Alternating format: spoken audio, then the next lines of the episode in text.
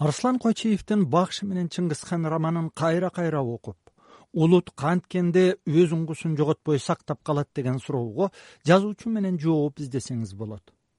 Эки миң он алтынчы жылы басмадан чыккан китептин өзөгүндө чыңгызхандын урпактарынын бири бирин аяосуз кыруусу жана совет бийлигинин бир миң тогуз жүз отузунчу элүүнчү жылдардагы зулумдуктары параллель көрсөтүлөт чыңгызхандын тукумдары улуу бабасы түптөгөн империяны калыбына келтирүү үчүн эмес топунун ордундай болгон өз хандыгында чексиз бийлик орнотуу үчүн өз боорлоруна кылбаган санатты кылат. Айтмакчы аксак темирдин урпактары да ушул жолой менен өз тамырларын кыйып жок кылышкан. Ал эми москванын атынан бийликтин камчысын чапкан партиялык жетекчилер менен чекисттер саясаттан бейкапар букаарыларды анын ичинде улуу жетесинен өзү билген санжырасын дептерге түшүргөн бактыгерей избасаровду өз наслинен биротоло ажыратуу үчүн жүрөктөрүнүн сары суусун алып эшектей жүгөндөп коюуну көздөшөт.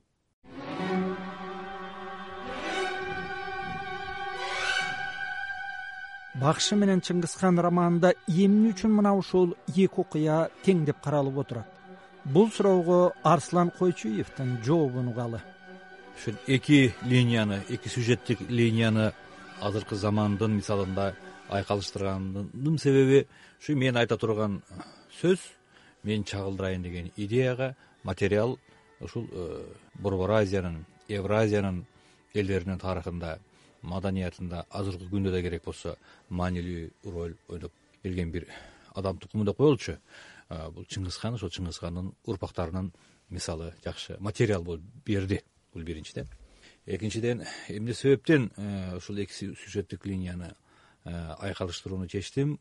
Албетте сиз дагы мен дагы ар бир адам тирүү жан болгондон кийин биз. Кимбиз туурабы мына бул э, маселе өтө актуалдуу болуп турду кайсы бир учурларда. Ушул маселенин биз. Кимбиз биздин улуттук. Жанагы иденттүүлүгүбүз аң сезимибиз кандай ал канчалык сакталат деген маселе бизден мурунку жазуучулар деле окумуштуулар ойчулдар ар кандай деңгээлде мындай аңдап көргөнгө аракет кылды. Анан мындай э, тарыхтын мисалында карасак ойлойсуң да тарыхтын мисалында алып караганда таңкөр адам канчалык бийик идеяны кыйкырбасын канчалык бийик идеяны сүрөөнгө албасын айланып келип эле өзү да байкабай калып кайра эле баары бир майдаланып кетет экен майдаланып кетет экен кайра майдаланарын майдаланып алып кайсы бир деңгээлде э, төмөндөрүн төмөндө алып кайра өзү бийиктикти самай берет экен да э? мына ошол бийиктикти самап аткандагы суроо ошол биз кимбиз адам өзүн унутат үч муунбу төрт муунбу азыркы э, шартта ал андан бетер ачык көрүнүп атат унута түшөт дагы кайра эле биз кимбиз деген суроону бере берет. Ушул көрүнүш улам улам кайталанып отурат улам улам кайталанып отурат ал ошол э, суроонун башатында кандай күчтүү адам кандай күчтүү личность кандай күчтүү идея турбасын баары бир баары бир анын баягы эпкини кайсы бир деңгээлде кайсы бир жылдарга чейин созулат экен дагы баары баары баягы басайып калат экен. Кайра толкундар түрүлүп келген соң кайра изденип изденип жүрүп отурабыз да. Эмне себептен муну айтып атам? Маселен айтматов жана маңкурт темасын козгоду. Баарыбыз эле ойго конушуп калдык. Туурабы? Ой маңкурт темасы айтматов ачып берди. Ушул маңкурттук деген көрүнүш боло турбайбы а маңкурт деген эмне? Бул жанагы өзүнүн тег жайын маданий жайын улуттук аң сезимин унутуп калуу деп. Ошо менен ойгонуп кеттикпи? Жок. Бул маселе адамды адам катары дайыма коштоп жүргөн көрүнүш экен илгертен коштоп жүргөн көрүнүш экен. Бул балким дагы дагы көп айта албайм канча барып токтойт бирок дайым адам болгондон кийин коштоп жүрчү э, нерсе экен дагы токтобой турган көрүнүш экен.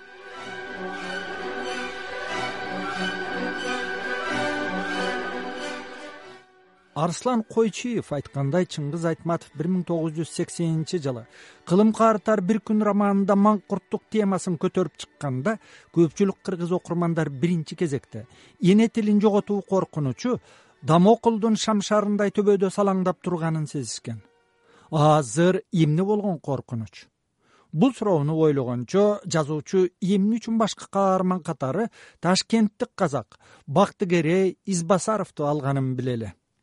Э, жана сөзүмдүн башында айткандай ушу бир э, ойду азыркы могу биринчи сурооңузга жооп берип атканда жанагы ойду чагылдырыш үчүн мен көп материал издедим да.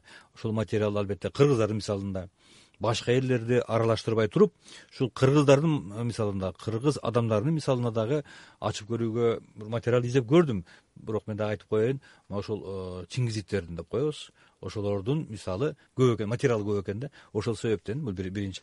Экинчиден мен ушул жалаң эле кыргыз алкагында калып калбай кыргызстан менен чектелбей кыргыз улутунун мисалы менен чектелбей борбор азиялык э, масштабта сөз козгогум келди да сөз козгогум келди. Ошол себептен башкы каарманы казак э, чыңгыз ийлердин тукумунан болот дагы башка каармандар монголдор дагы башка каармандар өзбектер эми кыргызга орун табылбай калды э, бул жолу бул романда э, бирок эң башкысы мен айтайын деген ой мен жанагы ойду ушу борбор азия элдеринин мисалында чагылдыргым келди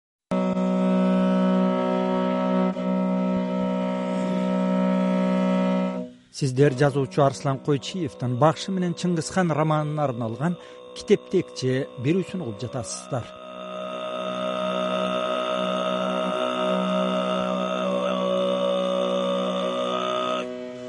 бул романдагы дагы бир каарман мөөрүңкүр черткен моңгол жазуучу өнөрпоздун музыкалык аспап ойногонун минтип сүрөттөйт. Сол колун сол ыйыгына таяган аспабына эптеди оң колун кылдуу таягына эптеди сол колунун шадылуу манжалары өйдүлдүй ойноп таягын оң колдоп оңду солду тарткан сайын аспабы күңгүрөнө күңгүрөнө күүгө келди. Таягын тарткан сайын күүлөнүп күүлөнүп тарткан сайын күүгө келди. Бир күү келди. Оң ийнине ооп оңго тартып сол ийнине ооп солго тартып эки дүйнөнүн добушун чакырды чагымда. Эки кылдуу аспаптын бир кылы бул дүйнөнүн бир кылы тигил дүйнөнүн абанын чакырды чагымда. Бир кылы чын дүйнөнүн бир кылы жалган дүйнөнүн абанын чакырып эки дүйнөнүн добушун кылдуу таягы чабыштырып аралаштырып атты чагымда.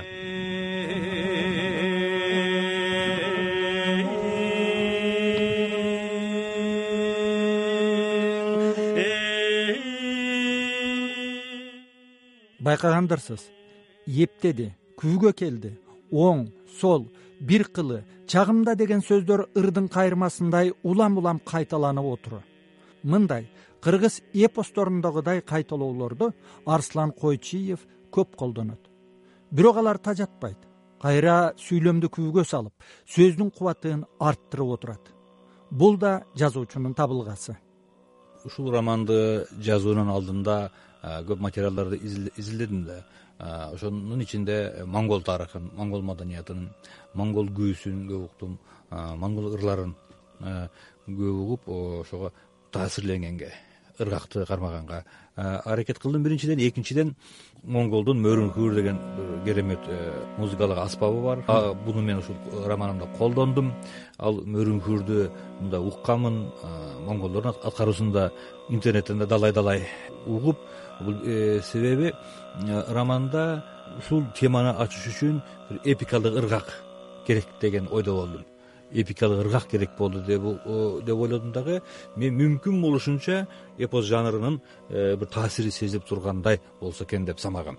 Ошол себептен ушул стиль колдондум ушуга окшош ыкманы француз тилинде жазган чех жазуучусу милан кундера да айрым чыгармаларында пайдаланат. Бирок ал бүтүндөй абзацты кайталап мурдакы окуянын сюжет үчүн маанилүүлүгүн окурмандын эсине салат чыңгыз айтматовдун кылым каартар бир күн романында да кайрма абзац бар. Бирок анын вазифасы башка. Арслан койчиевдин романын окуп жатканда бактыгерей избасаров жана капитан хамид кайруллаев эмнегедир кылым каартар бир күндөгү абуталип менен лейтенант тансыкбаевди эске салат. Ошого бакшы менен чыңгызханды жазып жатканда айтматовдун чыгармалары таасир эткен го деген ой туулайт менин алдагыдай суроомо жазуучу өзү мындай деди мындай да ар бир жазуучу өзүнүн стилин тапканга аракет кылат өз үнүн тапканга э, умтулат. Бирок баары бир э, биз дагы бир топ бир топ жылдарга чейин раматылык айтматовдун таасирин сезе берет болушубуз керек туя берет болушубуз керек деп эсептейм.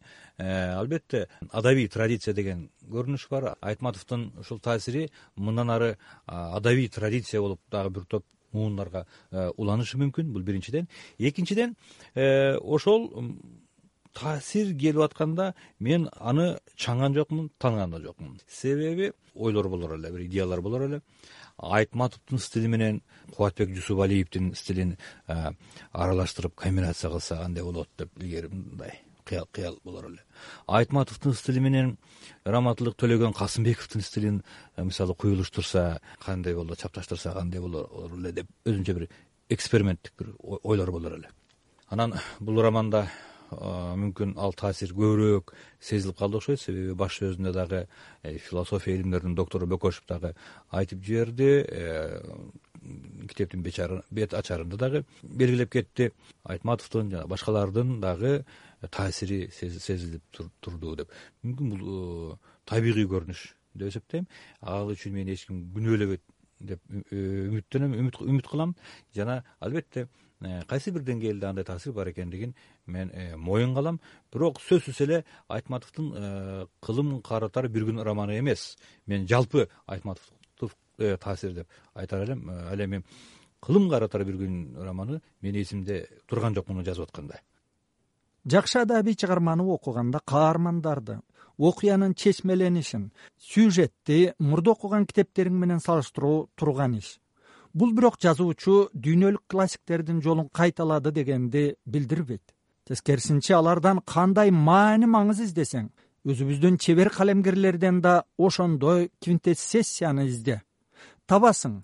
Чыңгыз айтматов башындагы муунда түгүл арслан койчиев султан раев бейшебай усубалиев олжобай шакир сыяктуу кийинки муундагы жазуучулар да бир окулуп унутулчу беллетристиканы эмес прозанын устаттарынын тажрыйбасын чоң чеберчилик менен өздөштүрүп жалпы адамзаттык маселелерди козгогон жана дүйнөлүк адабий казынаны байытчу чыгармаларды жаратып калды дегенди жышааналайт мисалы бакшы менен чыңгыз хан романындагы из басардын сот аны он беш жылга сибирге сүргүнгө кескендеги сценасын окуйлу.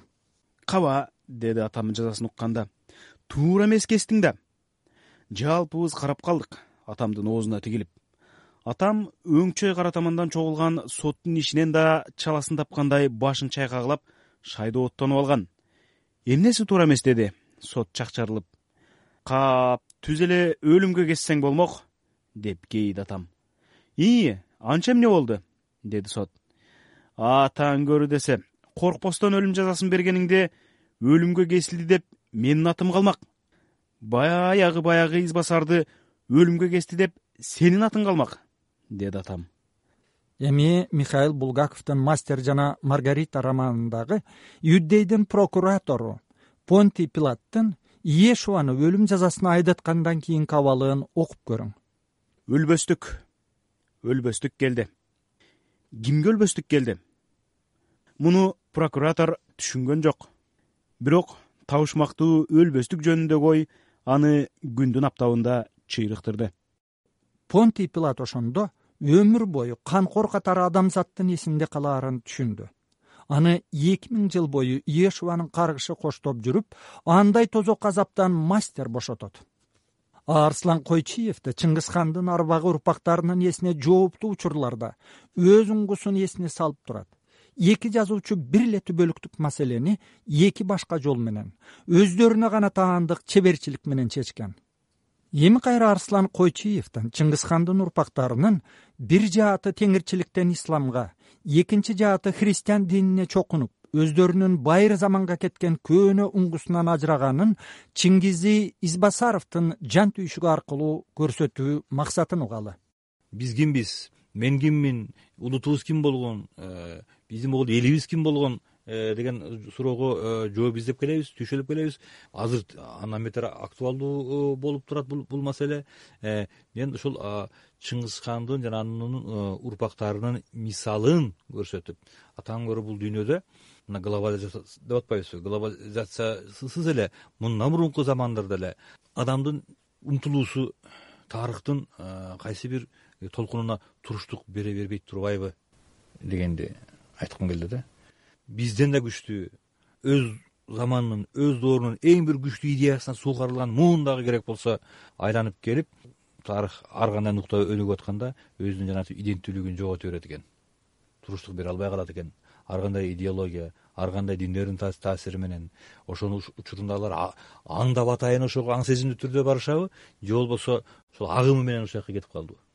Биз эле азыркы турмушта деле мына ушундай моментте турабыз турабыз. Э, улуттук мамлекетти куруп атабыз маселен. Улуттук мамлекеттерди куруп атышат биздин э, жаныбыздагылар ошол биздин талпынуу канчалык э, үзүрүн берет биз күткөн биз каалаган үзүрүн берет маселен. Ошон үчүн мындай ойлодум да. Тагын көрө. Бул адамдын аң сезими адамдын иденттүүлүгү улуттун аң сезими элдин аң сезими деген нерсе өтө. Борпоң болот турбайбы. Тарыхтын чоң бир мындай бир э, э, кысымына кээде туруштук бере албай калат турбайбы? Дагы анан жоготорун жогото алат экен дагы адам баласы кайра ошону бир эки үч кылымбы бир нече муундан кийинби издеп калмай бар экен. Мына ошону айткым келет сиз да арслан койчуев менен кошо кылымдарды каарытып өз уңгусун этностук өзгөчөлүгүн балким инерция менен сактап келаткан элибиз азыркы аң сезимди маңкурт кылып келаткан диний караңгылыктын глобалдашуунун жапырыгына туруштук бере алабы же кайсы бир капчыгы калың болбосо иңгезердей кубаттуу өлкөнүн тонун кийип келмесин кайталап калабы деп ойлонуп көрөлү